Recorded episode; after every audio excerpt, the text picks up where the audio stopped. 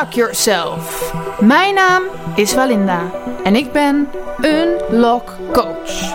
In deze podcast deel ik mijn levenslessen over zingeving, spiritualiteit, mindset, gezondheid, zelfontwikkeling, expressie, kunst en nog heel veel meer. Ook interview ik inspirerende mensen over deze onderwerpen. Dus luister je mee? Hallo allemaal, dit is weer een nieuwe podcast en dit keer met als gast Rianne Doller van Kick-Ass Quilting, zeg ik het? Nee, Quilting. Kick-ass quilt. Oké, en ehm, ja, je mag zo uitleggen wat dat is. Maar mijn eerste vraag is, wie ben je? Uh, ik ben dus Rianne van Kick-ass Quilting. Mhm. Uh, ja, ik weet nooit waar ik moet beginnen met zo'n vraag van wie ben je. Mhm. Ik ben 29 jaar, ik woon nu in Ede en ik word heel blij van eh, dingen toveren van kleding en textiel dat afgedankt is, die mooi en bruikbaar zijn.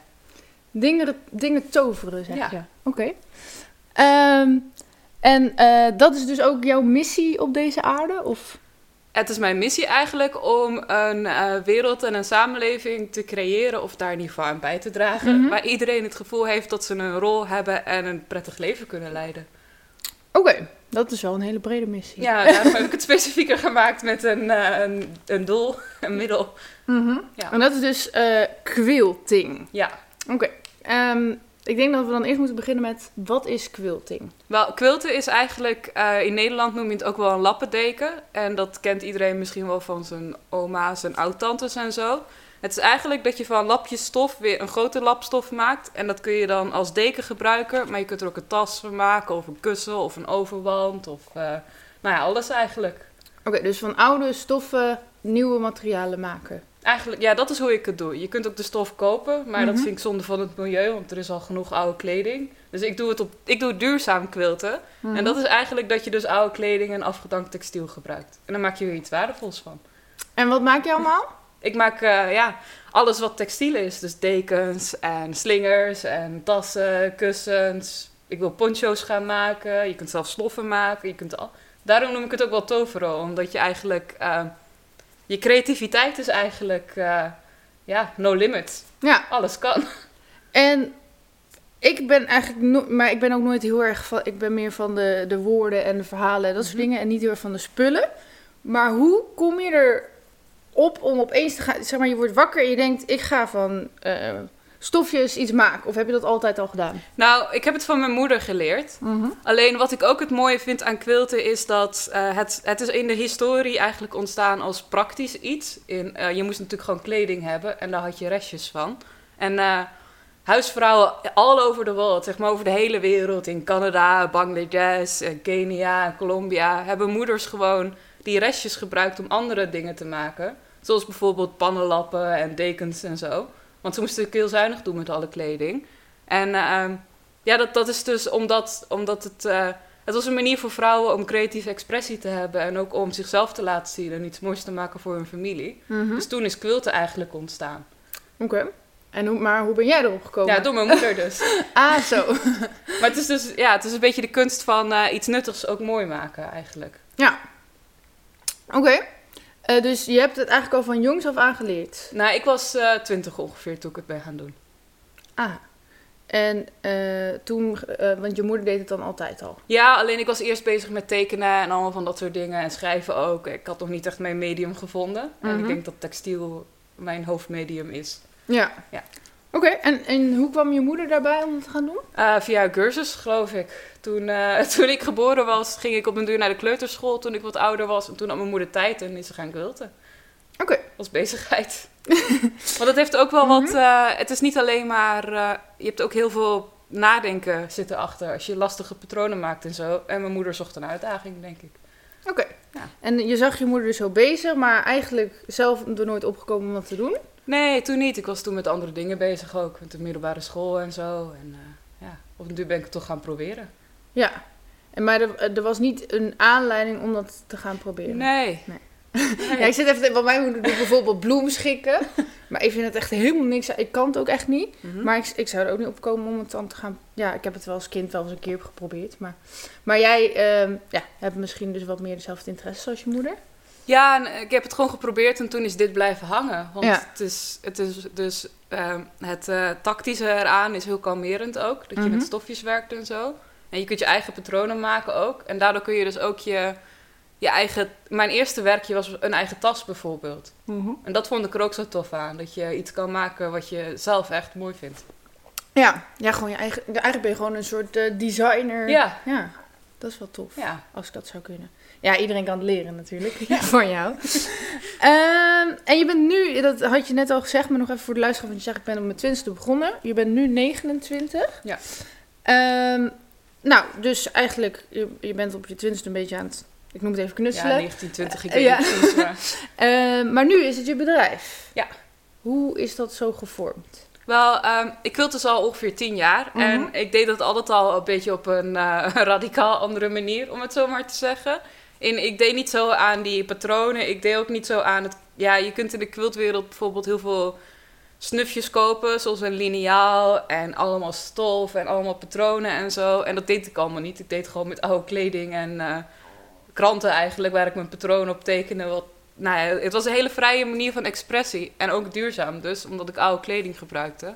En ik dacht, misschien zijn er wel meer mensen die quilten op die manier wel interessant zouden vinden. Want het heeft een beetje een, eh, een oudbollig imago.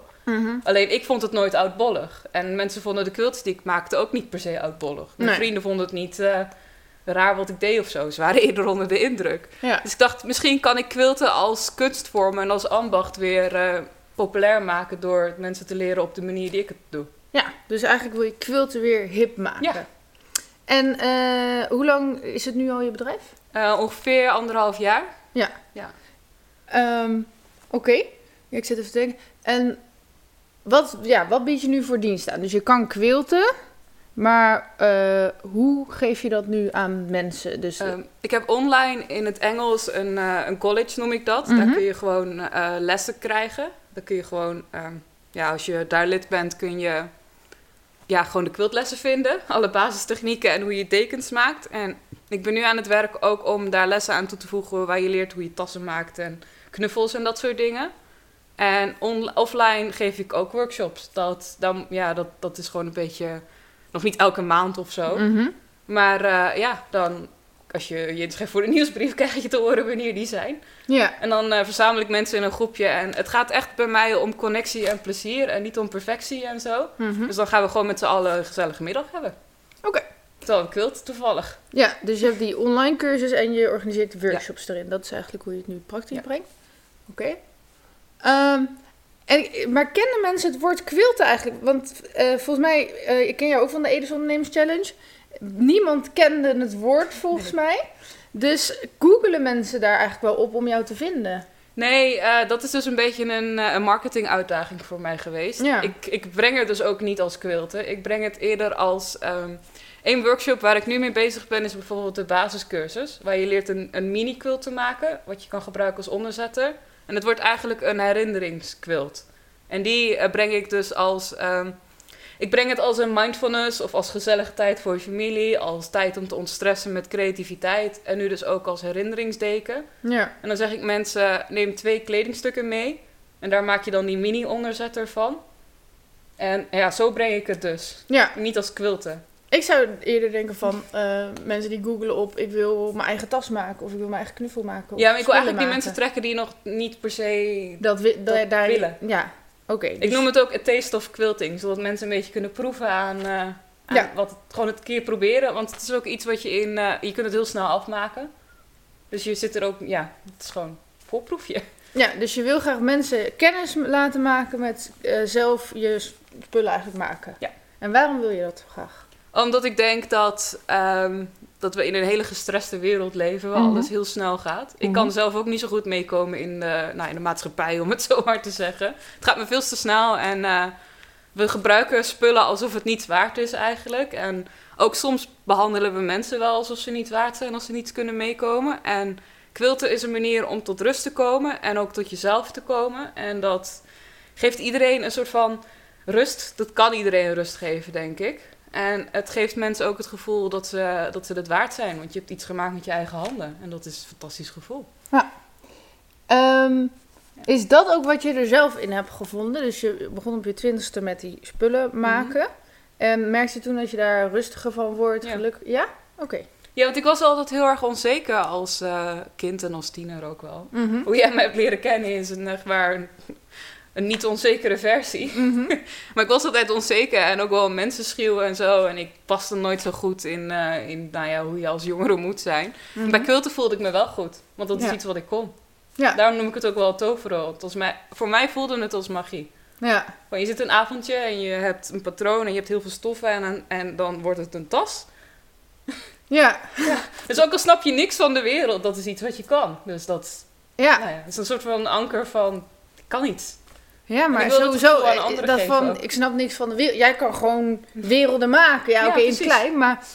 Dus het eh, is ook een manier om, ja. eh, als je bijvoorbeeld heel erg onzeker of bang bent om jezelf te laten zien of voor zelfexpressie, is quilten een manier waarop je dat thuis alleen kan doen ook, zonder dat per se iemand dat hoeft te weten. Want, Ja. want zang bijvoorbeeld is ook een goede manier van zelfexpressie, alleen Mhm. dat durft lang niet iedereen. En Nee. quilten is heel toegankelijk in, in dat opzicht.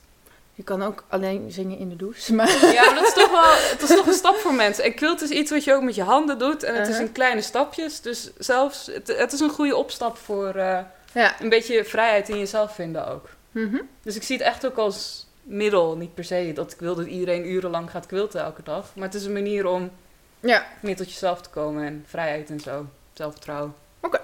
En ze- eh, jouw doelgroep is dus vooral mensen er kennis mee laten maken die daar nog niet mee bezig zijn. Mhm. Eh, dus die eigenlijk nog helemaal niet zoveel dingen maken dan waarschijnlijk. Maar moet eigenlijk de hele wereld kunnen quilten volgens jou?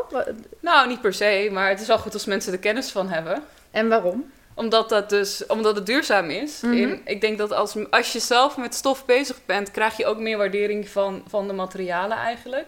Want nu heb je misschien een t-shirt aan en je hebt er niet zo'n gevoel bij. Maar als je weet hoe lang het duurt om iets te maken met, eh, met je handen, denk ik dat je, je kleding minder snel zou weggooien terwijl het nog goed is.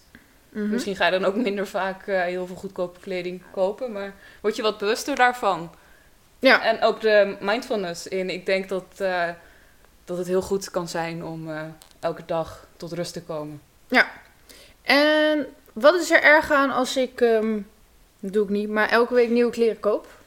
Nou, dat eigenlijk produceren we op die manier te veel kleding in. Dat kunnen we niet recyclen. Daar zijn Mhm. nog geen manieren voor. En kleding is vaak ook op zo'n manier gemaakt dat het niet te recyclen is. Omdat het samengesteld is uit allemaal andere materialen. Mhm. En die kleding die wordt, eh, die kun je dan doneren aan dingen als de restore en kringloopwinkels en zo. Alleen dan is het nog steeds te veel en vaak ook van slechte kwaliteit. Omdat als heel veel geproduceerd moet worden, gaat de kwaliteit omlaag. En dat wordt vaak gedumpt in, ik hou niet zo van die term, maar derde wereldlanden, zoals Ghana en Chili bijvoorbeeld. En daar wordt het ook gewoon gedumpt in de woestijn. En daar heb je ecologische, humanitaire rampen eigenlijk daar. Dat is, Mhm. En ik denk niet dat dat juist is. En hoe zien die rampen eruit? Want ik ben er nog nooit geweest. Hoop, ja, gewoon eh, stel je een woestijn voor waar je Mhm. geen woestijn meer ziet, maar hopen en hopen met kleding. Ja. En die kleding, ehm, dat breekt soort van af en belandt ook in de, in de natuur en zo. Dus dat zorgt ook voor gezondheidsproblemen en dat het dat de land daar gewoon minder goed wordt. ja. Dus eigenlijk zijn wij, maken we met z'n allen een berg afval aan de andere kant Ja. van de wereld. En dan die, moeten die we zelf niet eens doorhebben. Ghanese dan op wonen. Ja. En eh, heel veel van die fast fashion dat geproduceerd wordt, is ook niet natuurlijke materialen. Dus dan, als het bijvoorbeeld een polyester jurk, die dump je daar en over 100 jaar ligt die er gewoon nog. Mhm. Dus het is gewoon, het is gewoon te veel. Het is gewoon te veel. En eh, dus jij maakt ook je eigen... Heb je dit allemaal zelf gemaakt? Oké, dat niet. Ik wil heel veel tweedehands. ik geloof heel erg in eh, een duurzame wereld. Voor iedereen is ook gemaakt door iedereen. Dus iedereen doet zijn ding. Ik Mhm. doe het quilten, bewustwording, eh, mindfulness en zo. Mhm. En er zijn andere mensen die zijn, ik ben niet zo goed in kleding maken. Maar ik koop het wel tweedehands. Ja. En ik draag het zo lang mogelijk. En ik quilt ermee als het niet meer te dragen is. Eh, Oké. En geef je dan ook ieder, al je vrienden, kennissen, familie... eh, krijgen die allemaal van jouw quilts cadeau, zeg maar? Nee, want niet iedereen vindt dat mooi. Oh. En ik vind het wel heel belangrijk dat een quilt gebruikt wordt. En hoe lang doe je nou over één ding maken? Het hangt vanaf hoe groot het is en of je het met de hand of met de machine doet. Mhm. Maar zo'n onderzetten kun je dus in een dag wel doen. Als je het met de hand doet zelfs ook. Maar een grotere teken kan je wel een paar maanden kosten. Daarom begin ik ook met iets kleins, zodat mensen even een gevoel krijgen in hun vingers of ze het leuk Ja. vinden. En dat ze ook zien van ik kan iets. Want als ik Ja. inderdaad eh, maanden met zo'n ding bezig ben, Want, denk ik ja, eh, laat maar zitten. Het is fase 1 eigenlijk dat ik mensen wil laten proeven aan quilten. En als ze Mhm. het daarna leuk vinden, heb ik natuurlijk verdere lessen voor ze. Alleen Ja. ik wil mensen niet laten beginnen met eh, Nee. kom eens proberen te quilten en dan ben je twee jaar bezig met je eerste project. Ja, dat lijkt me niet motiverend. nee, inderdaad. Of gewoon stiekem niet zeggen dat het zo lang duurt. Maar... Nou, daar komen ze wel achter. Ehm, even kijken. Wat nou... Ja, je hebt het al een beetje benoemd. eh, Maar gewoon nog even... Ik, ik vind zingeving altijd heel belangrijk. Wat is de zin van quilten? Dat het je dus... eh, nou ja, het mooie aan quilten vind ik dus dat het verschillende dingen doet. Ik Mhm. heb vier kernwaarden. Eentje daarvan is dus connectie. Ja. Want quilten zorgt ervoor dat mensen... ehm vanuit haar eigenlijk al had je iets dat heet de quilting bee. En dat betekent eigenlijk dat je met z'n allen samen gaat quilten. Ofwel aan je eigen quilt, ofwel aan een gezamenlijke quilt. En dat is ook een manier om eh, met elkaar in gesprek te raken en zo. En quilten, net als bijvoorbeeld voetballen of zo, is een reden voor mensen om bij elkaar te komen. Ja. En heel veel mensen vinden het wel lastig om zonder reden Ja. naar iemand toe te gaan. Ja. Dus quilten is een manier om mensen bij elkaar te krijgen. Je kunt ook quilten voor iemand anders. Dus als je bijvoorbeeld... ehm, ik werk bijvoorbeeld nu aan een quilt die wil ik gaan doneren aan vluchtelingenwerk. Want als dan die mensen die hebben hun land verlaten en die zijn... Ja, nou ja, die, die komen naar een ander land en die zijn natuurlijk niet oké. Mhm. En ik denk dat een quilt kan helpen om ze welkom te heten bijvoorbeeld. Dus dan creëer je ook connectie. Ja. ja, dat is echt heel mooi. Want dan heb je echt persoonlijk iets voor iemand gemaakt. Ja, en het gebeurt ook wel voor zieke kinderen of voor weeskinderen. Je kunt voor iedereen die zich op de een of andere manier niet helemaal oké voelt of welkom in de maatschappij, kan een quilt een manier zijn om te zeggen: je hoort erbij, je bent geliefd. Het wordt ook wel voor kleinkinderen gedaan. Maar zit het ook wel, zit het wel echt in de Nederlandse cultuur? Om- ja, ja. Oké, want ik zie het echt bijna... Nou, het is dus een PR-probleem. Ja. Omdat dus het vooral gezien wordt als eh, iets wat oudere mensen doen en iets wat perfect moet en iets wat heel lang duurt en alleen maar patronen die mensen per se niet aanspreekt. Daarom wil ik het weer hip maken, want Ja. het kan eigenlijk zijn wat je wil. Ja, en, en, maar ook, in, je zegt van snelle maatschappij. Ja. Ik denk inderdaad, oma's die, die zijn nog gewend aan een wat langzamere maatschappij. Of in ieder geval, die hoefden misschien niet eens te werken. Sorry als ik nu vooroordelen heb. Huishouden alleen. Ja, ik zeg niet dat ze niks hebben gedaan. Hè? Want eh, met kinderen is het ook heel druk. Maar ik bedoel, in ieder geval, ik denk wel dat de, de oudere vrouwen vroeger meer tijd hadden om te quilten. En dat we dat in deze maatschappij inderdaad minder hebben. Ehm, Nou. Wat wilde ik nou zeggen? ben je het bij me eens of zeg je Nou, ik denk dat het ook gewoon een kwestie van tijd maken is. Ja. Want ik heb het gevoel wat. eh, ik, ik werk ook. Ik richt me vooral op jongeren, omdat ik zelf ook nog. Ik beschouw me nog een jongere, ook al ben ik 29. Dat is heel jong, ja. Wij, wij leven nu in een maatschappij waar je heel veel prikkels op je afkomen. Ja. Van dingen die je zou moeten doen. En alles moet perfect en leuk en altijd fantastisch zijn. Hè? ja, en maar via ik- social mhm. media krijg je elke keer van doe dit, doe dit, doe dit. En dan word je gestrest van. Ja, Maar we hebben wel tijd om te quilten hoor. ja. Alleen, eh, en ik denk juist dat eh mindfulness aspect van quilten kan je helpen om te kalmeren, zodat je minder onder de invloed bent van al die impulsen van wat je moet doen. En dan zal je merken dat je eigenlijk veel meer tijd hebt, omdat heel Ja. veel dingen die je doet, je eigenlijk helemaal niet wil. Nee. Maar je, krijg- je wordt Je zo wordt gewoon in die... verleid. eh, Ja. Ik zit een beetje te denken waar ik dan heen wil. Van eigenlijk zijn we gewend aan inderdaad de snelle prikkels, dat soort dingen. Maar Ja. ook aan fastfood of zo. Snap Ja. je wat ik bedoel? Van eh, we moeten zo snel mogelijk het eten hebben. Zo snel mogelijk dit, zo snel en mogelijk ook dat. precies naar jou toegepast. En Ja. moet allemaal heel snel. Ja. Maar ik denk heel veel... Je ziet wel een tegenbeweging ontstaan. Omdat Mhm. er zijn natuurlijk heel veel jongeren met mentale klachten. En ik Ja. denk dat dat deels daardoor komt. Ja, zeker. Ja, in ieder geval, daarom zou ik in... eh, ja, ik ben ook echt gewoon niet zo handig. Maar ik zeg niet dat ik nooit een workshop bij ga volgen, hoor. ik, ik sta open voor een uitdaging, maar ik heb al genoeg hobby's. maar ik zou dus niet zo snel gaan quilten, omdat ik dan denk van... pff, dan moet je inderdaad gaan zitten en dan eh, moet je iets maken. En dat duurt dan heel lang. Ehm, maar inderdaad, jij geeft dus eigenlijk fastfood quilting. Zo even, snap je? Als eerste basis. Ja, ik wil mensen Ja. Als je, het is een gewoonte die je moet breken. Als je zo meegesleurd wordt door altijd alles heel snel gedaan wil hebben, dan moet je die mensen soort van laten breken met die, Ja. met die gewoonte. Dus dan is een sneller project handiger, want dan, eh, dan heb je het in de vingers en dan, heb je, dan voel je je vertrouwen voor jezelf, omdat het af is. Mhm. En dat is heel belangrijk als je iets nieuws leert, dat je Ja. iets snel af hebt. Mhm. En ik, doe, ik wil graag eind eh, maart ga ik een, eh, Dat noem je een quiltalong. Dan ga je met z'n allen aan hetzelfde project werken. Wil ik gaan organiseren op Instagram. Dat Mhm. ik een half uur elke dag live ga. En dan samen met mensen een quilt maak. Ook om die gewoonte van elke dag een half uur quilten te doen. Ja, En dan hoop ik dat mensen wat meer rust kunnen vinden ook. cool. Want ik heb wel andere mensen gehad die zeiden... Toen ik 30 minuten per dag ging quilten, merkte ik inderdaad rust. En Ja. dat waren ook gewoon drukke moeders. Mhm. Ja, dus Maar gewoon... je hebt nog steeds tijd voor jezelf nodig, anders draai je door. Ja, En een half uur per dag kan al heel erg verschil maken. ja. En iets te doen hebben, het hoeft niet quilten te zijn, maar dat is Mhm. gewoon wat ik doe. Nee, bij Voor mij werkt het yoga beter. Of yoga, Ja. of, nou ja. Nou ja, dat weet ik niet, ik heb het nog nooit geprobeerd. Ik ben maar... het toevallig voor de mensen die van quilten, die Ja. quilten willen proberen. En ik ben heel blij dat er ook mensen zijn die het met schaken of hout bewerken. Of, nou ja, Ja. wat dan ook doen. Ja. Ehm, nou, ik had net een vraag, maar dan ben ik hem weer vergeten. Maar het maakt niet uit. Als hij belangrijk is, komt hij zo wel weer. Ehm, ik ga eens even tussen mijn vragen kijken wat ik al wel en niet heb gevraagd. Oh ja, dat, je zei eigenlijk een beetje van... eh, eerst was ik minder sociaal. Mhm. eh, lastig contact maken. En toen kwam quilten. En daarin vond ik eh, rust en ook een soort van... Dat je wel wat kon, zeg maar. Maar hoe maakte quilten jou socialer? Hoe is dat gegaan? Nou, eerst heb ik eh, ehm, een paar jaar in de kast gekwild. dat niemand ervan af wist. Ik ben een geheime quilter. Ja. ja? En ook echt, ik had een blog op een andere naam en dat soort dingen. Oh. En dat vond ik al doodeng. Ja? Dus- Oké, wat vond je daar zo eng aan? Waarom Nou ja, dat omdat ik was heel erg bang voor oordeel ook. Het bleek uiteindelijk wel mee te vallen hoor. Maar Mhm. ik dacht dat mensen mij als jonge student zouden uitlachen omdat ik avondenlang kwilte. Oké, dus... mm. Maar dat viel wel mee hoor, maar dat was Ja. gewoon angst die ik in mijn hoofd had. Mhm. En ehm, je hebt een quiltgilde in Nederland. En ik vond dat gewoon een toffe naam. En mijn moeder was er ook al lid van. En ik was wel eens mee geweest naar een activiteit. En eh, via quiltgilde ben ik eigenlijk bij de Mockingbirds gekomen. Dat is een modern quiltgroep. En dat was eigenlijk ehm, voor mij wel een belangrijke stap. Want ik had toen, eh, nou ja, eigenlijk vrienden nodig om het zo maar te zeggen.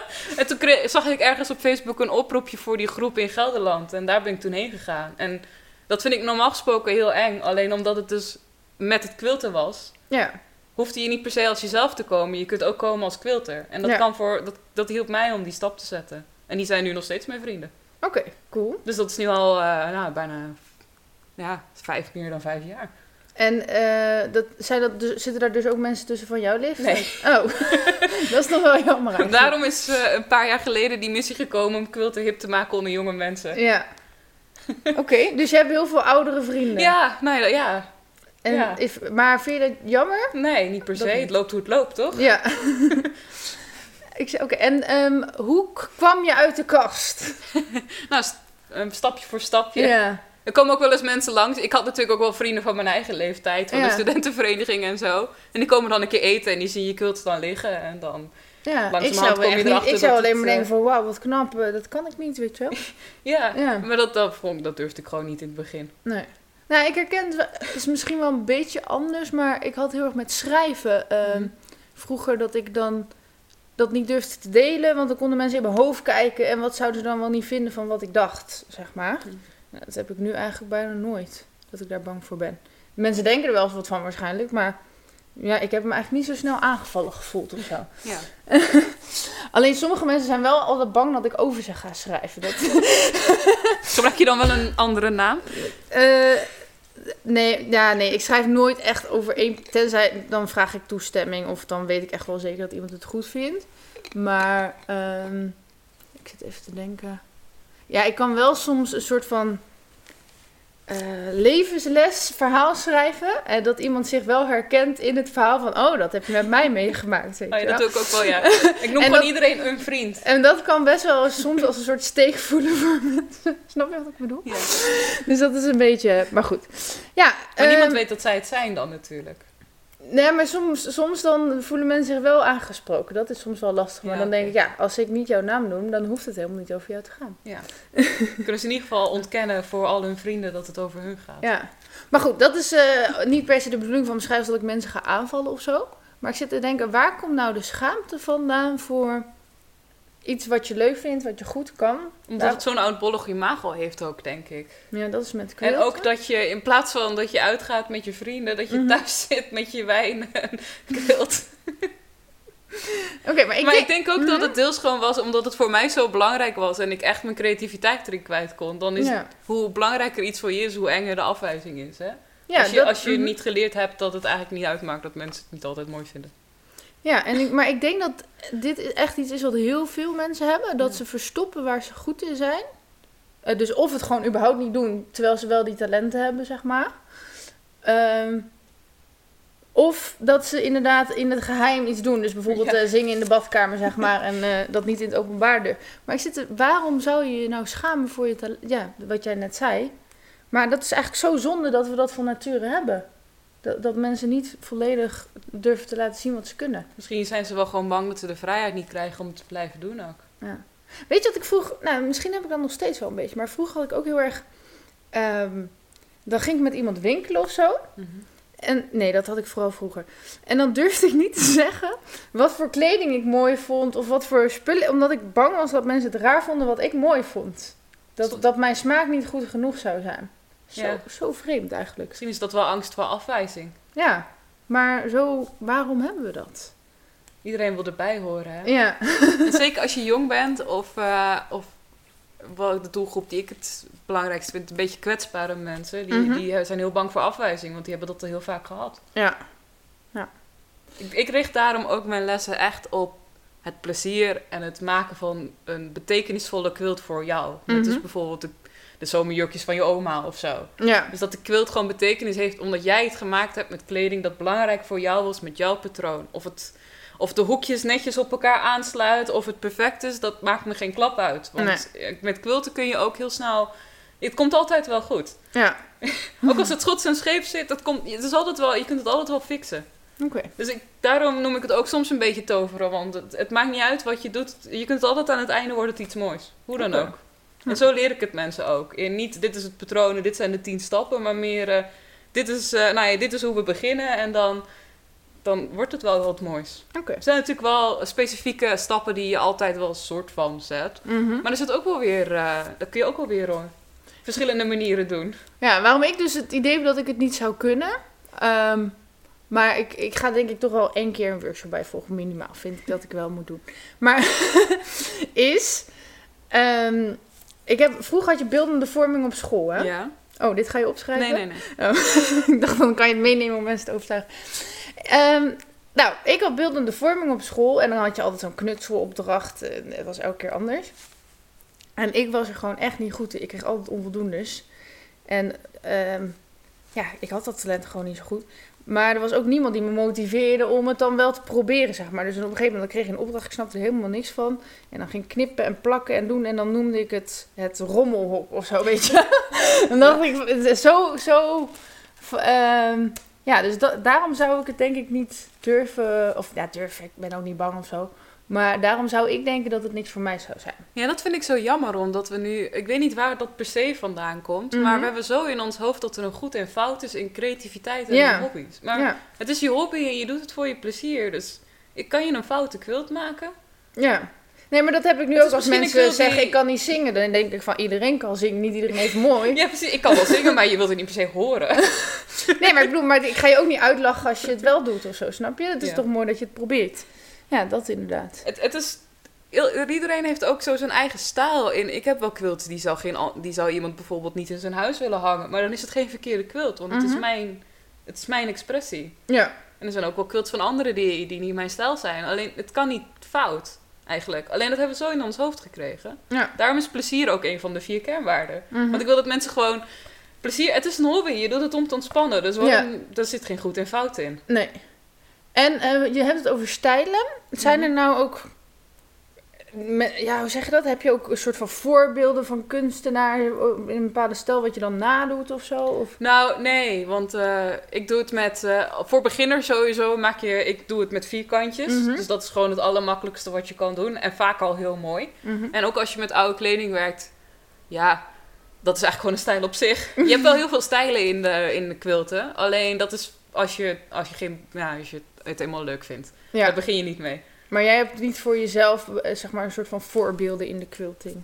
Ehm, nou, er zijn wel mensen die ik tof vind en inspirerend. Alleen wat ik zelf maak is toch altijd anders. Ja, Want je hebt je eigen stijl. ja oké, maar misschien dat je toch stiekem dingen overneemt van anderen. Ja, meer ideeën en technieken. Je kunt bijvoorbeeld met bepaalde... Je kunt bijvoorbeeld met uiers verven, dat soort dingen. Dat je dat soort dingen overneemt. Ja. Bepaalde, ja, bepaalde manieren van erop borduren bijvoorbeeld. Maar Ja. niet letterlijk. Nee. Ja, ik denk eigenlijk dat iedereen ehm, in wat je ook doet, altijd wel een soort van voorbeelden heeft waar je stukjes uitneemt. En dan heb je het niet altijd door dat je dat doet. Ja. Want helemaal spontaan iets nieuws, dat kan bijna niet. Want alles bestaat Van eigenlijk. Gogh dan. ja, is van Ja, Gogh. ik zit niet te denken, het is niet een quilter, want eh, omdat... Ik ben wel onderdeel van de quiltwereld, alleen ik pas er dan nooit helemaal goed in, omdat ik niet per se alle regels volg. Mhm. Maar Van Gogh is wel een goed voorbeeld in, eh, in hoe hij kleur gebruikt en hoe hij uitstraalt dat, dat eigenlijk die levenslust, Ja. met wel een rauw randje. Dat, dat zijn eigenlijk mijn quilts. Levenslust, ze zijn super levendig. Ja. cool. Ik zit er... ehm, ja, nee, ik ben toch wel heel erg benieuwd hoe jouw gemiddelde dag eruit ziet of gemiddelde week eh, qua tijd. Want Uh-huh. je doet dus elke dag minimaal een half uur quilten. Ja, ik doe al langer, Oké. maar ja.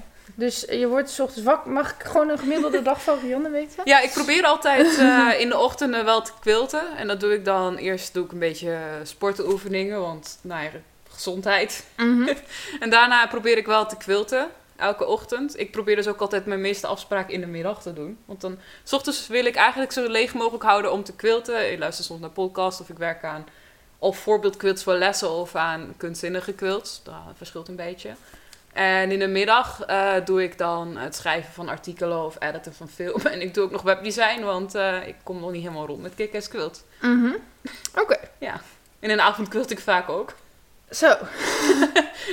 Ja. En dan, eh, dus, dus je vrienden zie je dan eigenlijk als je aan het quilten bent? Of heb je ook nog... Ja, Ander- soms 's avonds wel, Oh ja. maar niet elke avond. Ja, ik zit even... eh, nee, ik, ik, dat je gewoon en 's ochtends en 's avonds quilt. Ja, Ja, niet altijd echt de Nee. hele tijd achter elkaar hoor. Nee. Alleen, ja, soms lees ik ook wel boeken of zo. Ja, ja, ja. En in de Eh, zomer fiets ik heel graag. ja, lekker. En dan kom je... Oh ja, kan je ook buiten quilten? Jawel hoor. Want ik bedoel, eh, met dit... Ja, het is nu heel zonnig. Ja, want dat, daar merk ik dat mensen wel eens op vastlopen. Omdat ik dus quilten zie als iets dat je met plezier doet. Ik wil ook niet dat mensen zich gaan haasten als ze quilten. Nee, Dus of je het met de machine doet of met de hand, maakt voor mij ook niks uit. nee. Want ook omdat we dus nu ook een beetje in een maatschappij leven waar alles heel snel af moet. En je moet al. Zelfs je, zelfs je ontspanningstijd willen mensen optimaliseren voor je. Hè? Van Mhm. optimaliseer, like, ontspan 100% en zo. Ja. Eigenlijk wil ik gewoon dat je je geen zorgen maakt hoe lang het duurt om een quilt te maken. Dus met de hand is prima. Ja. Ik deed het ook eh, toen ik op veldwerk was in Kenia bijvoorbeeld. Het is heel draagbaar ook. Je hebt gewoon een tasje met je spul en je kunt het overal doen. Ja. In de trein. eh, ja, Ja, dat ik wil in de optimale... zomer festival Mhm. gaan doen ook. Dat ik... eh, nou, mijn droom is om door het land te reizen en mensen op verschillende plekken te leren quilten. Dus als je dat soort dingen organiseert, nou ja, ik ben een quilter. Ja. Ja, dat is wel En, echt tof. Ja, dat is eigenlijk een beetje de hoop voor de zomer nu. Omdat ik merk dat heel erg mensen behoefte hebben aan, aan verbinding op een leuke, positieve manier. Mhm. Dus eh, ja, rondrijden en mensen op een positieve manier met stof en met elkaar bezig laten zijn. Heb je dan Een ook een soort plan voor de quiltbusje? Of dan... Nog niet. Wordt aan gewerkt. Ja, dan ben je echt een soort quilt hippie, zeg maar. Ja, dat is wel Ja. de bedoeling eigenlijk. Dat is wel tof. Dus als iemand een festival weet waar ik naartoe kan, laat het vooral weten. Ja. Ik denk dat je overal wel welkom Ja, zou zijn. Want ik toch? vind dat we dingen samen moeten doen ook. Ja, eens. Ja, en, en je kan het misschien ook wel juist met hele andere dingen combineren. Ja, ja. Ehm, nou, als ik binnenkort nog eh, op een festival ben of zo, dan neem ik je mee. Ehm, Je kunt het zelfs gebruiken om, eh, om gewoon, als je een festival hebt of een Mhm. evenement of zo, dat er ergens een quilthoekje is waar je af en toe een half uurtje tot rust kan komen. ja. Eh, ja, je hebt het heel dus over tot rust komen, mindfulness. ehm. wat, waarom is quilten voor jou, tenminste dat zag ik ook nog staan bij je ergens in je Facebook post, spiritueel? Wat, wat is er spiritueel aan quilten? Ehm, eh, ja. Deels omdat het dus een soort van, het kan als meditatie werken eigenlijk. Ja. En deels ook omdat quilt zijn ook dragers van verhalen, om het zo maar te zeggen. En door een quilt komen soms verhalen en weggestopte emoties en dat soort dingen naar voren die je anders misschien niet zag. En het is ook een manier om dingen te verwerken. Je Mhm. kunt het bijvoorbeeld als rouwverwerking gebruiken. Of op een periode in je leven af te sluiten. Of ehm, bepaalde trauma's kun je ook verwerken door het maken van quilts. Ja. En op die manier... Ik noem het ook wel eens mindfulness of meditatie voor mensen die daar niet van houden. die zeggen, nou, die yoga-houding en, en klankschalen en zo is Uh-huh. niks voor mij. Maar voor mij is het altijd medi- quilten een manier geworden om, om ja, die, die meditatie te doen eigenlijk. Ja. Dan zit ik, ehm, heb je, kan je een voorbeeld, misschien, ik denk niet dat je iets hebt meegenomen qua quilts of wel? Maakt niet uit. Ehm, nee, maar dat, kan je toch niet zien op een podcast. maar heb je misschien wel een voorbeeld van een quilt met een, heel veel verhaal, zeg maar. Dus met een goed verhaal. Ja, het meeste quilts eigenlijk. Oké. Eh, want eh, een van... Je kunt quilts met intentie ook. Ik heb bijvoorbeeld eentje, dat is een soort van... Een Van Gogh-achtig landschap. Mhm. Dat heet de Stargazer. En die geeft eigenlijk... Het is een, een meisje dat naar de sterren kijkt. En dat is eigenlijk die, die, die dwang die kinderen hebben om te spelen. En voor onschuldige wereld en zo. Ja. En die Van Gogh-achtige drang naar mooiheid ook. Maar toch met dat rauwe randje van... Ja, depressiviteit misschien wel eigenlijk. Ja. Dus, de, dus jouw verhaal in het quilt is dat je graag wil spelen. Ja, ik denk dat... eh, ik heb altijd wel last gehad van burn-out en depressies Mhm. en dat soort dingen. Ja. En eh, ik denk dat, dat die quilt drukt een beetje uit dat je, ondanks dat je soms heel down bent, eigenlijk toch heel graag wil leven. Ja. En dat zie ik in Van Gogh ook. Ja. Al zijn schilderijen zijn eigenlijk... Dit kan het niet zijn. Het moet mooier zijn dan hoe ik me voel. Ja. En dat doet die quilt eigenlijk ook. Oké. Dat is wel heel mooi. Ehm, en heb je daar dan nu, doordat je over quilt, minder last van of niet? Ja, ja. Oké. Nee, want, nee, Ja, maar dat is, nee, maar dat is ook heel Amerikaans. eh, dat we, en, en marketingachtig. dat we zeggen van... eh, ja, doordat ik nu dit doe... heb ik nooit meer... Nou, ja, het is natuurlijk niet nooit meer, Nee. maar het, het, is een, het helpt wel. Ik heb Ja. bijvoorbeeld ook een quilt, dat heet de Redemption Quilt. En die maak ik om een, een stuk gelopen vriendschap bijvoorbeeld een beetje recht te krijgen in mijn hoofd. En dat is een babydeken voor iemand. En Ja. het maken van die quilt zorgt er wel voor dat je aan dingen denkt en dat je het een beetje Ja, verwerkt in plaats je hoofd ja. eigenlijk, ja. En je hebt dus ook heel veel rouwdekens die mensen maken van kleding van iemand die overleden is. Ja. Floor bijvoorbeeld had dat gedaan, van haar zus. Oh, cool. Dus in- en eh, door dat hele quiltproces kon zij het verlies van haar zus verwerken. Ja. En aan het einde was het soort van beter. En dan heb je ook een deken en daardoor is je zus altijd een beetje bij je. Ja. In plaats van zo'n berg kleding waarvan je niet zo goed weet wat je, wat je ermee moet. Maar heb je dan ook echt, weet ik veel, eh, tassen met een herinnering en knuffels met een herinnering? Of heb je heel veel dekens thuis waar je eigenlijk niks meer mee kan? Eh, nou ja, ik maak ook wel eens andere dingen, ja. Mhm. En ik geloof ook heel erg in dat, ehm, dat quilts ook... Het zijn wel objecten die lange tijd blijven bestaan, maar op den duur is het ook gewoon stuk en maakt het ruimte voor iets nieuws. Dus op die manier heb je een natuurlijke kringloop van dingen eigenlijk. Ja. En ik geef ook wel eens dingen weg. Mhm. Want eh, meestal als een quilt af is, bijvoorbeeld ook die Redemption quilt, eh, die hou ik dan een tijdje. Mhm. Want dan zit de energie erin. Dat is ook het spirituele gedeelte, Ja. denk ik. Quilts hebben energie ook. Dus dan hou ik die quilt een tijdje in mijn huis en ik gebruik hem een klein beetje. En op een gegeven moment is het klaar om hem door te geven. En op die manier, dat doe ik ook wel met quilts, met persoonlijke herinneringen. Want mijn ervaringen hebben natuurlijk ook wel raakvlakken met andere mensen. Ja. Dus misschien als ik ooit een keer een quilt maak die vrolijkheid opwekt, geef ik dat misschien een keer aan iemand die dat wel nodig heeft. ja, dus zo maak je, ja, gaan eigenlijk allerlei verhalen in zo'n ding en geef je Ja. ook weer verhalen door. Ja, en dat is ook wel weer verbinding. Ja, maar je zegt quilts hebben energie. En nu ga ik even heel kritisch zijn. Ik zeg niet dat het niet zo is, maar hoe weet je dat? Nou, dat voel ik gewoon. Ja, dus gewoon in spullen zit de energie. Dat is toch eigenlijk gewoon, ja. Ja, en eh, omdat het dus ja, gemaakt is met aandacht vaak, Ja. dan dat voel je vaak wel. Ja, en het is natuurlijk ook, je stopt er energie in. En het is ook het behouden van energie op een bepaalde manier. Want Ja. die kleding die belandt niet op een afvalberg. En Nee. als het oude kleding van bijvoorbeeld een overleden opa is, dan haal je die energie ook een klein beetje in die quilt Ja, van die man. ja, mooi. Ik zit even te denken, behoud ik eigenlijk wel mijn energie? Ja, Sorry, ik raak helemaal eh, van, eh, ik schrijf heel vaak dingen, ja dat blijft wel bestaan, maar ik zit het ook altijd een beetje van me af te smijten of zo misschien. Ja, nou ja, dat is waar ik... Ik, ik hou dus Uh-huh. ook niet alle quilts. Want Nee, je, soms doen mensen dat wel, alles houden wat ze maken. Ja. Alleen ik merk dat dat inderdaad te vol wordt. Op een duur is het tijd om het Ja. door te geven aan iemand die bijvoorbeeld niet kan quilten. Ja. Of Dat, ik wil niet dat iedereen quilt, maar Uh-huh. misschien wil wel iedereen een quilt. Ja, mooi. Ja, ik vind het echt... Ik, ehm, En dat, dat creëert vrijheid in je eigen hoofd. En omdat je het dus weggeeft aan iemand, creëert dat in je hoofd ook ruimte om met anderen te verbinden. ja. Niet dat bange individualisatie, wat sommige mensen wel eens Mhm.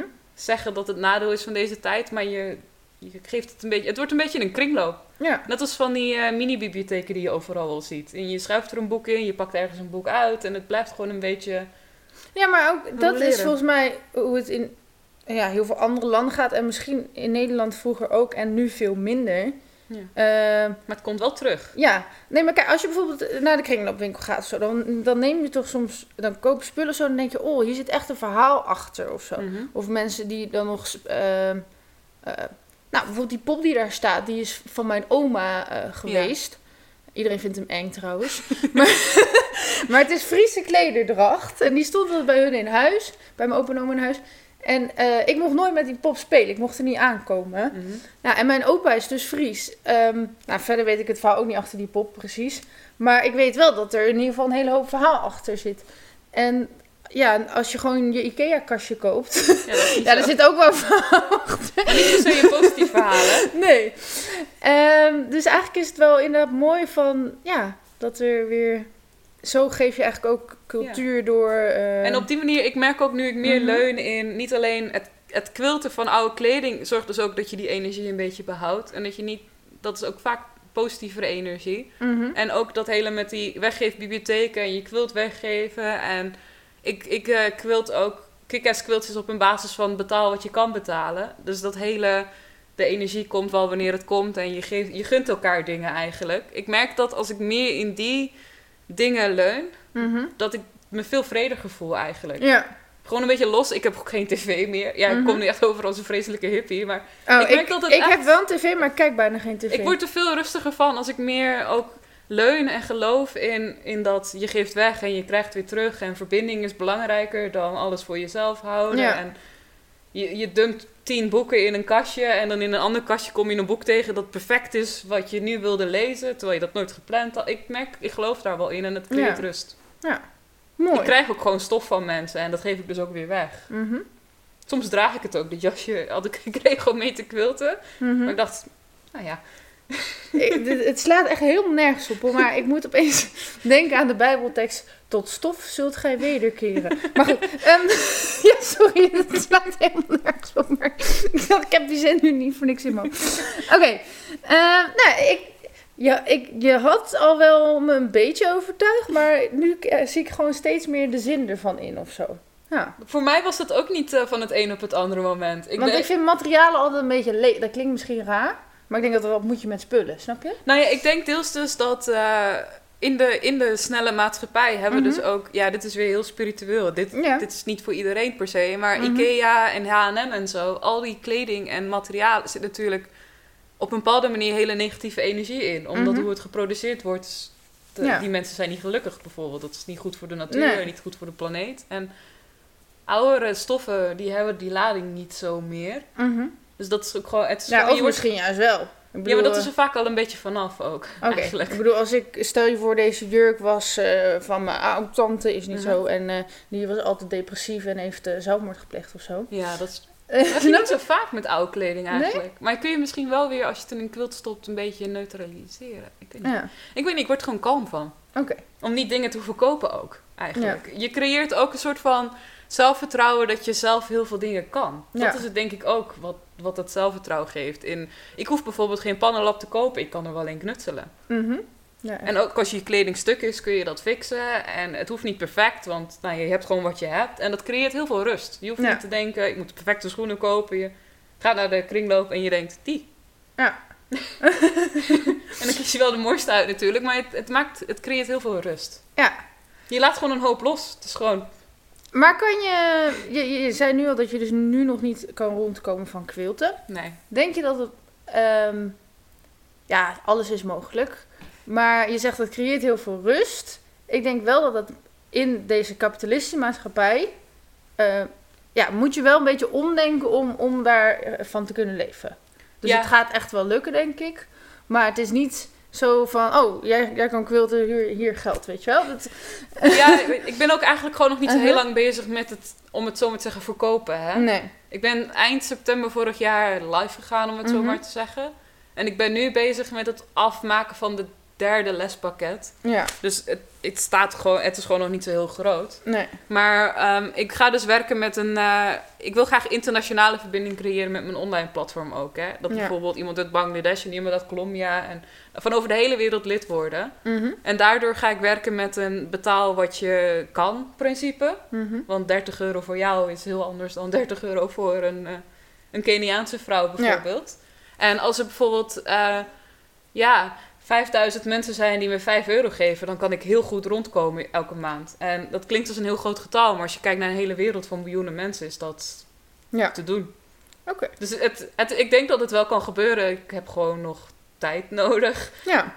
En, maar eh, aan de ene kant heel mooi inderdaad dat mensen kunnen geven wat ze, wat Mhm. ze kunnen missen. Maar is dat niet heel lastig om dan... Ja, je hebt toch een, een x-aantal bedrag nodig, zeg maar. Ja, dat kun je er gewoon bij zetten, hè? Ja. Dit is, eh, ja, ehm, ik wil graag dus die duurzame wereld waar iedereen zich welkom voelt creëren. En Ja. dit, dit is een manier. Ik kan niet zeggen, ik wil een duurzame wereld waar iedereen welkom is, maar alleen mensen die toevallig dit kunnen betalen. nee, dat nee, is, nee. Ja, en je kan inderdaad dan gewoon een minimumbedrag misschien instellen. ja, of gewoon meestal, eh, ik wil gaan werken met gewoon een, eh, een voorstel van als zoveel mensen zoiets kopen, dan kan ik dit blijven doen. Of dit kost ongeveer 10 euro en dat mensen dan kunnen kiezen. En het blijkt dat eh, mensen die ook behoefte hebben aan, aan meer vrijheid in dat opzicht, dat die ook gewoon, het is jezelf dingen, het is elkaar dingen gunnen. En Ja. dat is wel iets wat meer opkomt hoor. Ja, dat geloof ik ook wel. Ja. Nou, in ieder geval, ja, de- de- ik, ik merk dat ik zelf in mijn hoofd best wel moeilijk denk soms. Soms, heel vaak. Maar nee, maar vroeger, als je zo, zo iemand als jij was, zeg maar. Zo iemand als jij. Nee, maar als je handig was met je handen en dingen maakte, dan ging je op de markt staan of zo. Mhm. En dat was dan je inkomstenbron, denk ik. Of je deed het alleen als hobby thuis en je had een hele rijke man. Maar, Het is niet gelukt helaas. maar, maar het, eh, eigenlijk is door internet het juist. Ja, kan je juist nog veel rijker worden misschien dan die marktkoopman. Ja, er is gewoon oneindige. Daarom is online ook. Het is gewoon oneindige groeipotentie. Ja. Want of er nou tien of duizend mensen in die community zitten, of tienduizend, dat maakt niet uit. Nee. Maar Ik- toch ik merk ik dat, ja, ik dan, goeie. dat ik dan denk dat dat heel moeilijk is of zo. Terwijl, Nou ja, het is niet. Ja, het is natuurlijk niet makkelijk. Nee. Het kost gewoon tijd. En ik ben Ja. ongeveer vier En maanden je kan bezig. niet alleen maar met quilten zelf bezig zijn, maar je hebt Nee. ook dat online gedeelte wat je heel erg moet doen.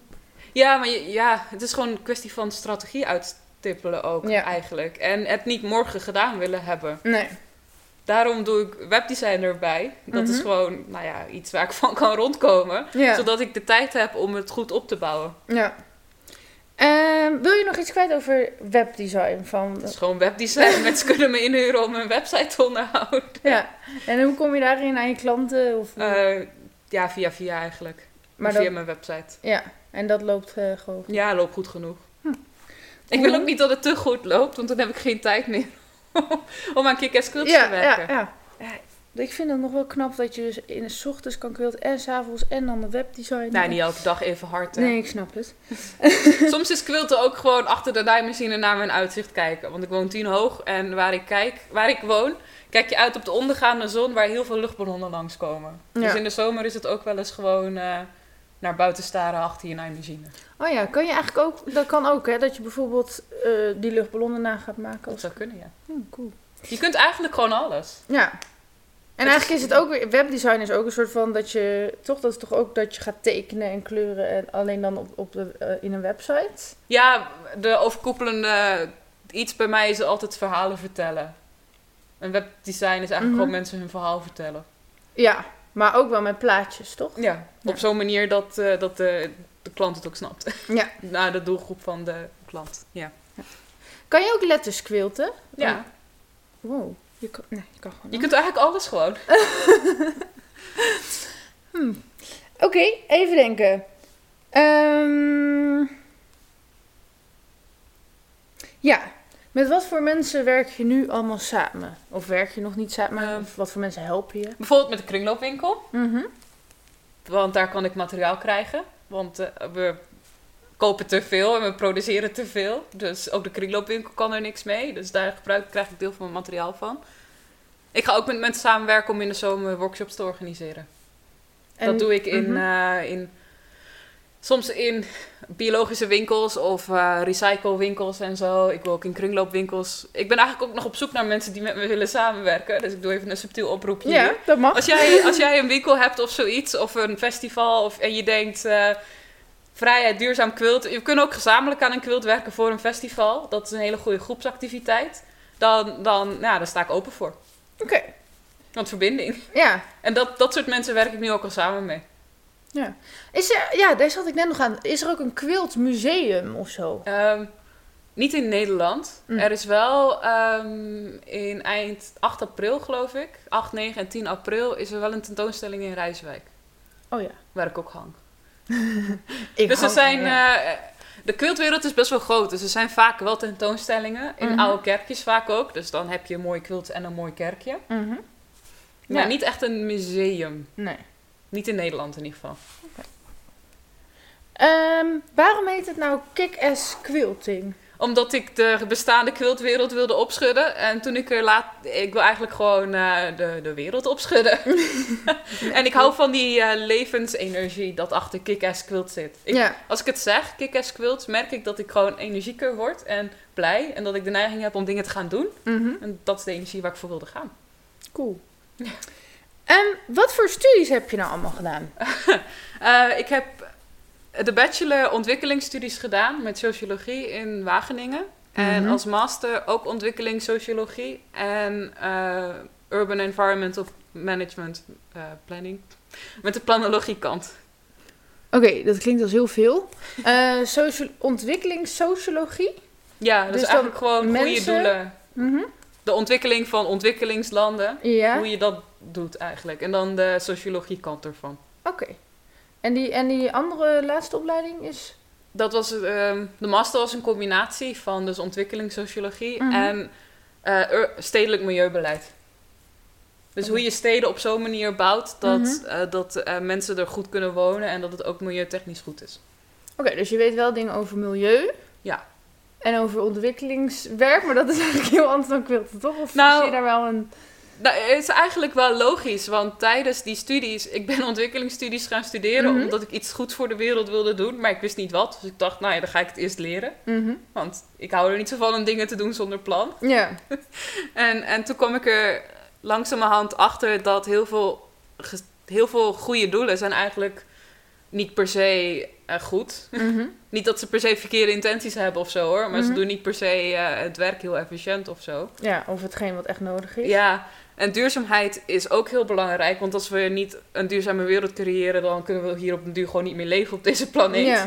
En ik kwam er op een duur achter dat dat vooral een, een mindset ding is eigenlijk. En een bewustzijn ding. Want we hebben echt de technische kennis wel voor een duurzame wereld. We hebben ook echt de resources nog wel. En we hebben ook de grondstoffen nog wel om iedereen in waarde te kunnen laten leven. Alleen, we zitten zo vast in die mindset van te weinig hebben en individualisering en, en kapitalisme zijn machten en zo. Dus daarom, Kick-Ass Quilt helpt voor bewustwording en mindset van, van mensen. En ik hoop daarmee bij te dragen aan het creëren van heel veel mensen die een duurzame wereld willen, zodat misschien de overheid en de bedrijven uiteindelijk wel moeten meedoen. Ja. Want die gaan het niet uit zichzelf doen. Dus dat is daarom Kick-Ass Quilt. Het, is een, het geeft een doel, een middel. Ja. Echt mooi. Ja, je vertelt echt heel veel. Tenmin- dit Ja. is, nou, het is vooral heel vaak als iemand hier iets komt vertellen, weet ik al best wel veel over het onderwerp. Maar bij jou heb ik dat niet. dus ik moet even alles laten bezinken. Maar het is heel mooi. Ehm, ehm, dat bewustzijn. Ja. Dat is dus, dus eigenlijk zeg je van, we denken allemaal van, we moeten de wereld veranderen, maar eigenlijk begint het dus bij jezelf. Van, hé, hey, wat heb ik om het, om het anders te kunnen doen? toch? Ja, en deels ook. ehm, ik geloof er wel in dat, dat zeg maar het over, over, overgrote gedeelte van de mensheid heeft gewoon goede intenties tot neutrale intenties. Mhm. Alleen hoe de maatschappij nu is opgebouwd, kan je met goede intenties verkeerde effecten hebben. Ja, Bijvoorbeeld dat je als moeder heel veel bij de H&M koopt omdat je een goede moeder wil zijn. ja, Wat eigenlijk ergens anders dus heel veel leed veroorzaakt. ja. Maar dan kun je die moeder niet kwalijk nemen, want die, Nee. die doet gewoon wat zij denkt dat het beste is. ja, of wat gewoon even het snelste en het makkelijkste. Ja, Ja. maar dat is, En dat is dus ook eh, Mhm. bewustwording deels. ja. Maar, eh, je kan toch ook niet alles tegelijk goed doen? Dat bedoel ik. Nee, hoeft ook niet. Oké, want Daarom dat, begin ik ook met quilten, van bewustwording over kleding en zo. En misschien Ja. dat als je kleding niet meer kan dragen, dat je het niet weggeeft aan, aan Afrika bijvoorbeeld. Maar dat je er dan zelf lokaal iets mee maakt. En waarom is lokaal dan beter dan aan Afrika geven? Omdat, gewoon, omdat zij het ook niet kunnen gebruiken. Eigenlijk dumpen we nu gewoon onze problemen ergens anders. Maar het voelde vroeger zo goed dat je in zo'n vuilniszak al je... ja, maar dat is en dus, dat ging dan dat is de dus ook wat ik bedoel met bewustwording. In, wat ik heel naar vind in, in ontwikkeling is dat je ziet dat er legionen aan mensen zijn die hebben de beste intenties. Mhm. Alleen dat komt er gewoon niet uit. Nee. Dat is gewoon zonde. Want dat betekent dat we gewoon al heel veel winst kunnen halen voor duurzaamheid. Ja. Als we die mensen met goede intenties ehm, de goede dingen kunnen laten doen. Ja. Wat nu niet het geval is. Want vaak wordt er verteld, ja, duurzaamheid kan niet, want we hebben de techniek niet. Of we hebben niet, mensen willen niet duurzaam worden en zo. Maar heel veel mensen willen dat dus wel. Alleen die, die kunnen dat nu nog niet, omdat de middelen er niet zijn. ja. ik denk En, het moet ook, en het moet ook makkelijk gemaakt Ja, worden. maar dat Nee, kan dus prima. Ja. Maar lokaal is altijd beter. Er was een, eh, een documentaire, hij heet Dead White Man's Clothes. Die Mhm. kleding worden letterlijk de, de kleding van dode me- witte mensen genoemd in Ghana. en je ziet die mensen, vroeger was de kwaliteit daarvan nog oké. Ja. Alleen tegenwoordig is de kwaliteit zo slecht dat ze het gewoon niet kunnen dragen. Ah. Dus dan hebben wij een beetje de mindset van deze kleding is niet goed genoeg meer, maar Afrika wil het wel hebben. Mhm. Dus dan zeg je eigenlijk, dit wil ik niet meer dragen, maar zij zijn nog wel goed genoeg om het te dragen. dus dan vertel je ze eigenlijk dat ze derde rangs burgers zijn. Ja, Maar zo kan je het zien. Maar ik had bijvoorbeeld eh, eh, vroeger... Of, of misschien behandel ik die dan ook als derde hangsbeurs. Maar wij hadden bijvoorbeeld eh, vroeger vluchtelingen had ik als buren tijdelijk. Mhm. Want was, die hadden een huis van de kerk gekregen. En ik had vluchtelingen in mijn klas. Nou, en als mijn kleren niet meer pasten... Ik was natuurlijk ook super lang, hè. Dus Ja. ik kon altijd kleren weggeven. Ehm, dan ging dat naar, mijn- naar mijn vluchtelingenburen. Maar ik zeg ook niet dat we niks meer mogen doneren. Nee. Alleen, eh, je moet, ja, ik vind dat we alleen de goede dingen moeten doneren. Ja, Als het, als het te klein is, is bijvoorbeeld, ja, dat is logisch. Dat kan Ja. iemand nog wel dragen. Maar als er bijvoorbeeld vlekken in zitten, dat wordt ook gedoneerd. ja. Ja, maar goed, als je echt helemaal En niks anders... kleding en zo. Stel je zit inderdaad, nou dan moet je eerder op Ja, maar er is genoeg goed spul. Ja, Dus het niet goede spul, waarom, waarom zou je kapotte kleding doneren? Dan kun je nog beter geld doneren zodat ze een lokale kledingindustrie kunnen opzetten waar ze goede kwaliteit kleding kunnen maken. ja. Echt wel ingewikkeld. Nee, maar er is zoveel... Ik snap best dat mensen die snappen wat ze moeten Nee, doen. nee, dat snap ik ook. Daarom probeer ik dus bewustwording te creëren en ook Ja. een beetje informatie te geven. En lokaal, Mhm. lokaal is altijd belangrijker. Oké. Maar stel je voor, je bent een... ehm, En minder kopen ook dus, gewoon Mhm. minder. je bent... eh, de- het hoeft niet per se... te- ja, daar moeten we het zo nog hebben. Want we hebben het nu dit een beetje over vrouwen. Heb ik het idee. Maar we kunnen, mannen mogen natuurlijk ook quilten. Ja, ja, tuurlijk. Maar goed, ik heb nu even in mijn hoofd een, een, een vrouw die ehm 40 uur in de week werkt en ook nog een gezin heeft en Mhm. eh, ook nog hobby's en vrienden en weet ik veel wat voor levens heeft. Waarom zou die... Ja, tuurlijk, je zei wel van je moet er tijd voor maken. Maar ik kan me voorstellen dat het voor zo'n vrouw gewoon veel makkelijker is om even snel bij de H&M de kleren te gaan kopen voor iedereen. Snap je? Dus, Ja. dus die kan misschien wel een half uurtje per dag nog gaan quilten om tot rust te komen. Maar die kan niet voor al die kinderen al die kleding gaan maken. Ja, dat is gewoon een maatschappelijke verandering die moet komen dan. Ja, Dat de H&M niet meer een makkelijke optie is. Oké, maar hoe. ehm, Nee, ja, serieus. Hoe kan je dan. eh, dat, dat half uurtje quilten, die snap ik. Dat, Ja. dat, kan je, dat kan iedereen. Maar dan heb je nog niet genoeg kleding bijvoorbeeld. om eh, jezelf te onderhouden. Of je, dus hoe kunnen Nou, we dan er maak je ook geen verandering kleding maken? van, hè? Nee, oké. maar snap je. Ja. Ik weet niet zo goed hoe we die verandering dan gaan maken. Ja, Ja, in dat- kleine stapjes. Ik weet niet of ik er één antwoord op heb, Mhm. maar ik, ik, eh, ik zie het een beetje als een hele logge massa die we richting duurzaamheid duwen. Ja. Dus quilten is al één klein deeltje. En, En naar de tweedehands winkel gaan is dan. Ja, en misschien koopt die vrouw dan wel minder kleding Ja. van de H&M, omdat ze merkt dat het toch minder nodig is. Ja. En of, of kleding doorgeven aan je broertje of zusje. Ja, bijvoorbeeld. Ja. Oké. Ja, en, ik En misschien dat- als, Mhm. als zeg maar duizenden moeders bewust worden van hoe slecht de H&M soms met zijn werkers omgaat, kan de H&M misschien gedwongen worden om beter met zijn werkers om te gaan. Ja. Ja, en ook als je al die moeders een documentaire laat zien voordat ze de H&M binnenstappen. eh, van vijfjarige kindjes die hun kleding maken. Ja, dan misschien- denken ze, oeh, dat had ook mijn kind dat kunnen is niet helemaal mijn stijl. Maar ja, Nee, ik denk ook niet dat dat de manier is. Maar eigenlijk staan we er veel te weinig bij stil. ja. Ja. En ik weet dat het iets heel moeilijks is om over na te denken. Want je wilt je niet schuldig voelen over de keuzes die je maakt. Nee. Alleen ik denk dat we het uiteindelijk wel onder ogen moeten komen. Ja. Anders kom je niet verder. Ja, ik ben eigenlijk ook meestal niet zo voor, de, voor, de, voor het afschrikken. Het is eigenlijk ook bewezen dat dat vaak niet werkt. Dus bijvoorbeeld die, die enge pakjes op rokers, Ja. eh, eh, enge pleisters op rokers dingen, dat werkt helemaal niet. Maar ik denk, ja, dat gaat H&M heus niet doen. We kunnen trouwens ook een ander soort winkel noemen. Sorry H&M. maar eh, ik denk wel, als, als ik in de stad de hele dag filmpjes zie van kinderen die mijn kleding maken, dat ik dan toch naar, eerder naar de kringloopwinkel zou gaan. Ja. Nou ja, goed. goed leuke dingen om over na te denken. We hebben nog eh, een half uur ongeveer. Als jij nog tijd hebt, tenminste. Ja hoor. Oké. Eh, en ik zit ook echt... Ik zit ook een beetje te denken van... Misschien stel ik nu hele rare vragen. Maar nee, maar omdat ik gewoon dit onderwerp... Weet ik zo weinig over. En dan vertel jij heel veel. eh, Dat ik denk van... Volgens mij dringt het nog niet allemaal tot me door of zo. Dus dan stel ik misschien vragen... eh, die je net hebt gezegd. Of... Maar goed. Ja, maakt niet uit.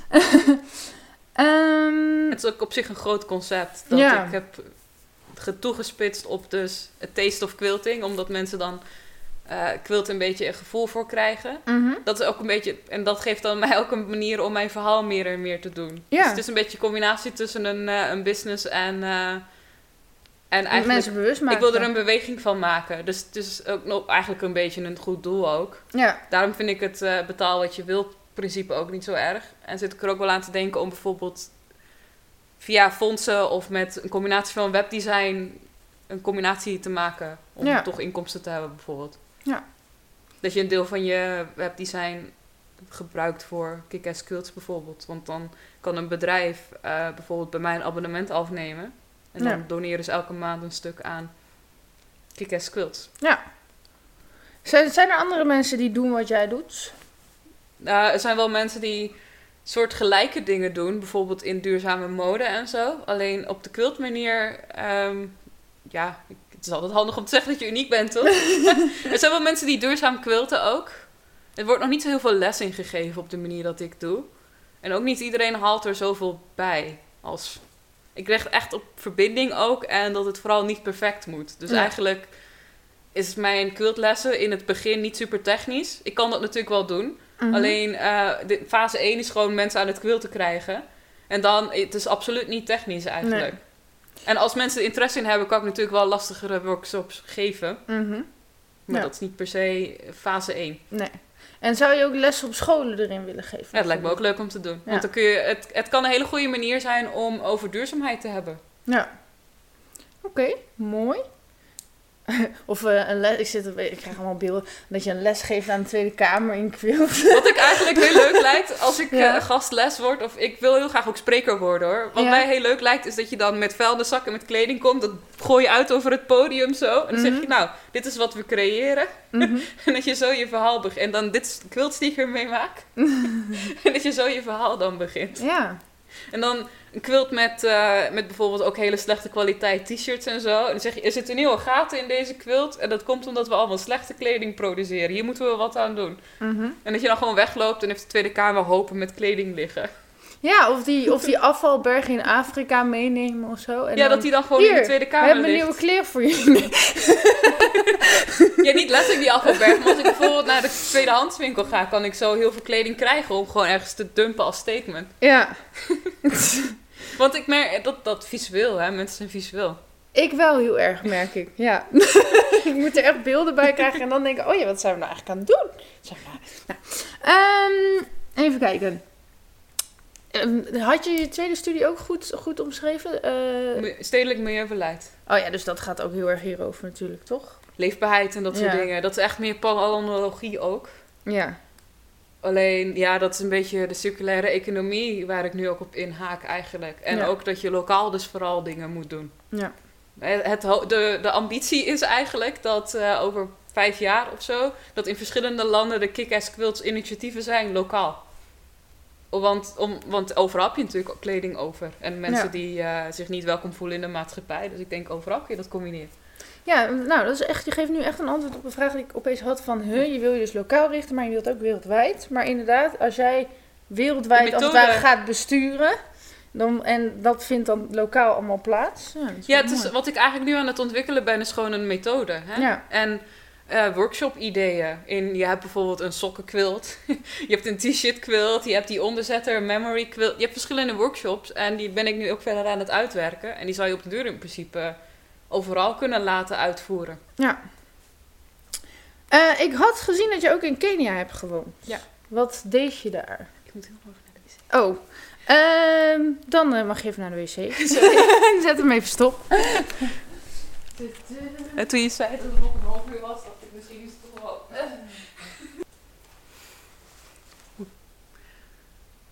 Je vroeg of ik in Kenia had gewoond. Ja. Ehm, ja, voor mijn eh studie ontwikkelingsstudies heb ik daar onderzoek gedaan naar milieubehoud en lokale volken. Oké. Ja. Eh, Oké, ik probeer. Het, is zoveel informatie wat je me vertelt. Ja, ik lijk ook een heel random leven te hebben. Voor, eh, ik denk dat ik ook gewoon veel op zoek was naar wat ik wilde. Dan Ja. ga je heen en weer. Maar je kunt het allemaal wel combineren. Want Ja, nee, dit dat is de ik. Keniaanse jurk. Nee, ik, ik volg het ook wel. Het is meer gewoon dat, dat ik merk van wow, dit is echt een heel verhaal. Ik kan het helemaal niet helemaal opslaan. Maar ik zie wel, ik zie wel de overlap erin. Ik weet ook nooit waar ik moet beginnen als mensen vragen: vertel eens iets over jezelf. Ja. Denk ik, welk stukje? Ja, dat heb ik ook altijd. Oké, dus je hebt in Kenia gewoond voor je studie. Ja. En wat ging je daar doen? Onderzoek doen naar eh, nou, milieubeleid en lokale bevolking. En Ja. hoe dat eh, wel of niet samenwerkt. En werkte het samen? Nee. maar dat is vaak ook omdat, eh, omdat het in de intentie een heel goed idee is. Alleen de uitvoer komt het er niet uit. En komen er allemaal andere belangen boven ook. Dat is sowieso, ik denk in Afrikaanse landen nog erger. Maar Ja. ik, denk dat dat, ik denk dat dat toch overal wel geldt voor beleid. Dat dat Ja. in de praktijk toch een Er wordt beetje dan misbruik van gemaakt door de sterkste. En de mensen die wat minder eh, Ja. macht hebben, die, ja, die hebben er dan geen voordelen aan. Oké, en dat heb je toen onderzocht. Maar heb je daar dan verder nog een soort advies gedaan? Of iets beïnvloed? Of... Eh, ja, dat is alweer een tijd geleden wat de conclusie was. Want hoe lang geleden heb je daar gewoond? Eh, een paar jaar geleden. Ik ben ook nog nooit teruggegaan. Maar dat was eh, voor de liefde en die is niet zo goed afgelopen. Oh. Maar ik heb dus in totaal iets van drie jaar gewoond of zo. oh. Ja.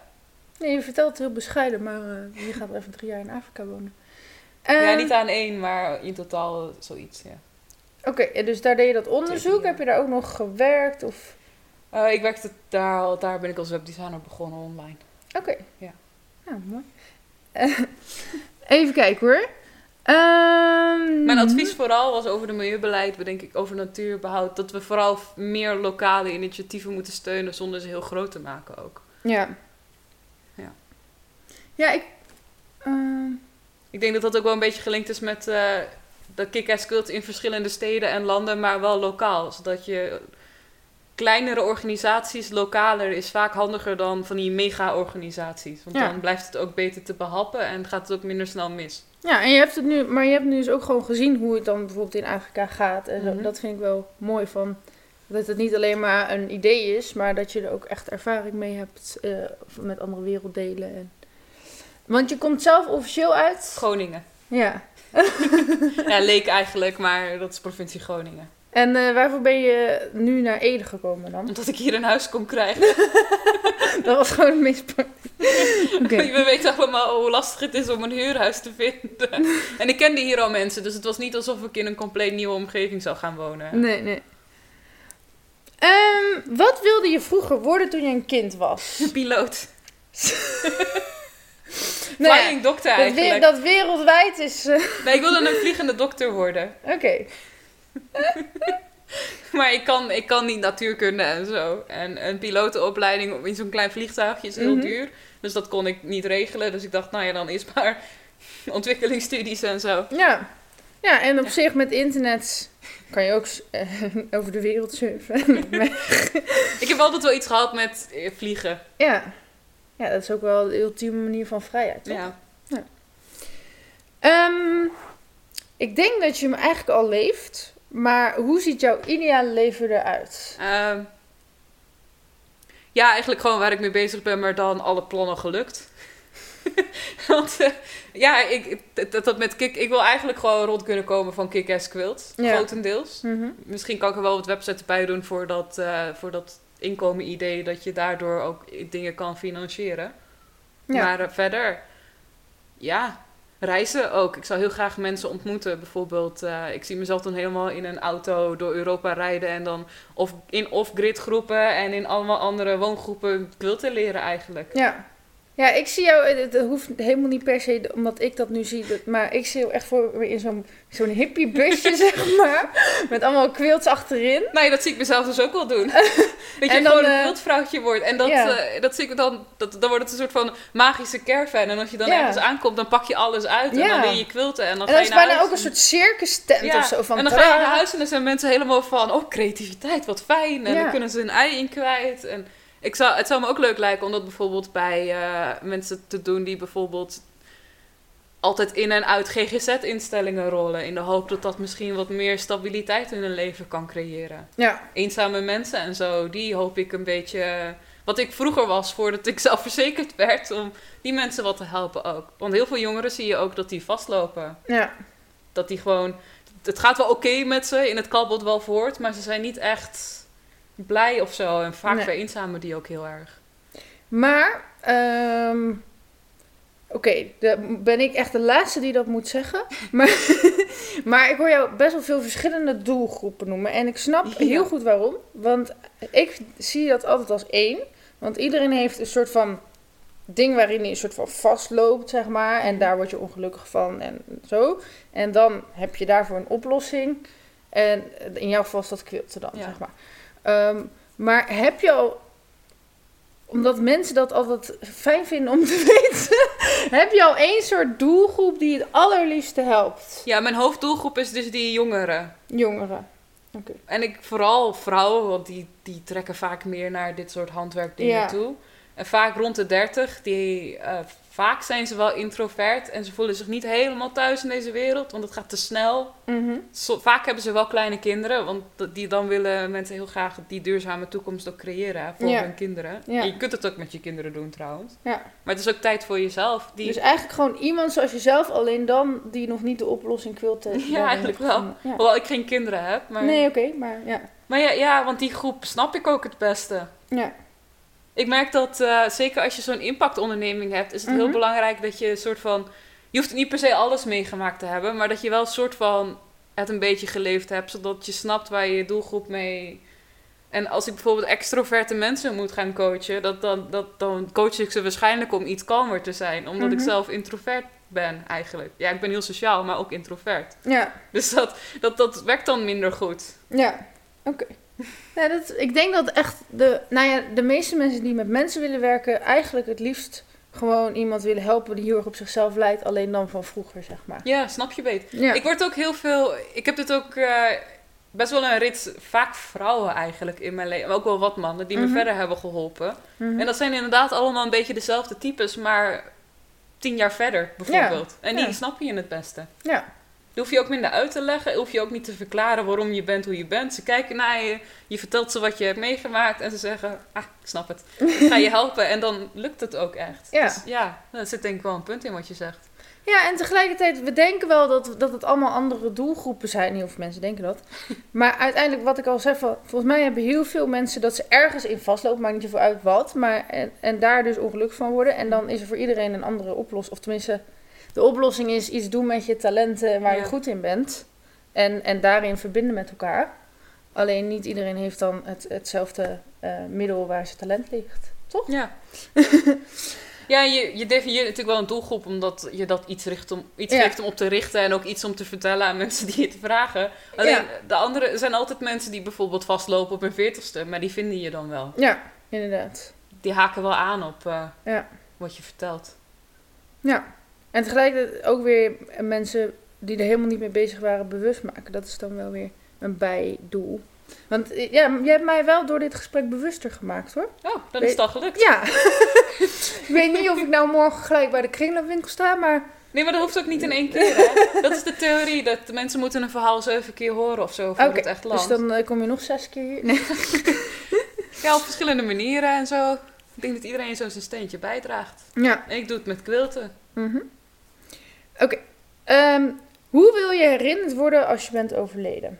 Nou, met kick-ass quilten, zoals de duurzame quilter. Ja. Die voor, eh, nou dat klinkt heel, waar ze kwam, voor eh, creativiteit zorgde. En dat mensen die creativiteit durfden te uiten en te ontplooien ook. Dat ze het gevoel kregen dat ze, dat ze alles kunnen Ja. met stof en quilt. En ik denk dat als je het gevoel krijgt dat je alles kan met quilten, dan zijpelt dat wel over in de rest van je leven. Ja. Cool. ik ben nog een beetje de coach voor de coach. Die ervoor zorgt dat je überhaupt de mindset krijgt waardoor je eh, kan gaan overwegen om dingen voor jezelf te doen. Want Ja. sommige mensen zijn zo vast dat ze niet eens die stap durven te zetten. Nee. Ehm, ik zei net nog wel een half uur, maar ik denk echt dat we alle punten hebben benoemd. En het is echt een heel mooi verhaal. Eh, dus wat wil je de luisteraars nou nog als allerlaatste boodschap meegeven? Kom vooral een keer proberen. Ja, En eh ehm, Quilten heeft een PR-probleem en die ben ik aan het oplossen. dus kom vooral een keer voor jezelf ervaren hoe het is. En eh, het, het gevoel dat van stof in je handen en dat je iets maakt met je handen en echt iets tastbaars. Als webdesigner en iemand die vooral online vrienden heeft, kan ik je wel vertellen dat zoiets heel veel meerwaarde in je leven kan geven. ja. Hoe kunnen mensen je vinden? kickassquilts.org Nog meer?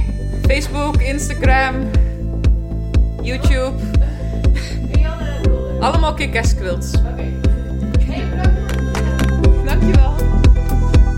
Meer weten? Ga naar belinda.nl of volg mij op Facebook en Instagram. Doei!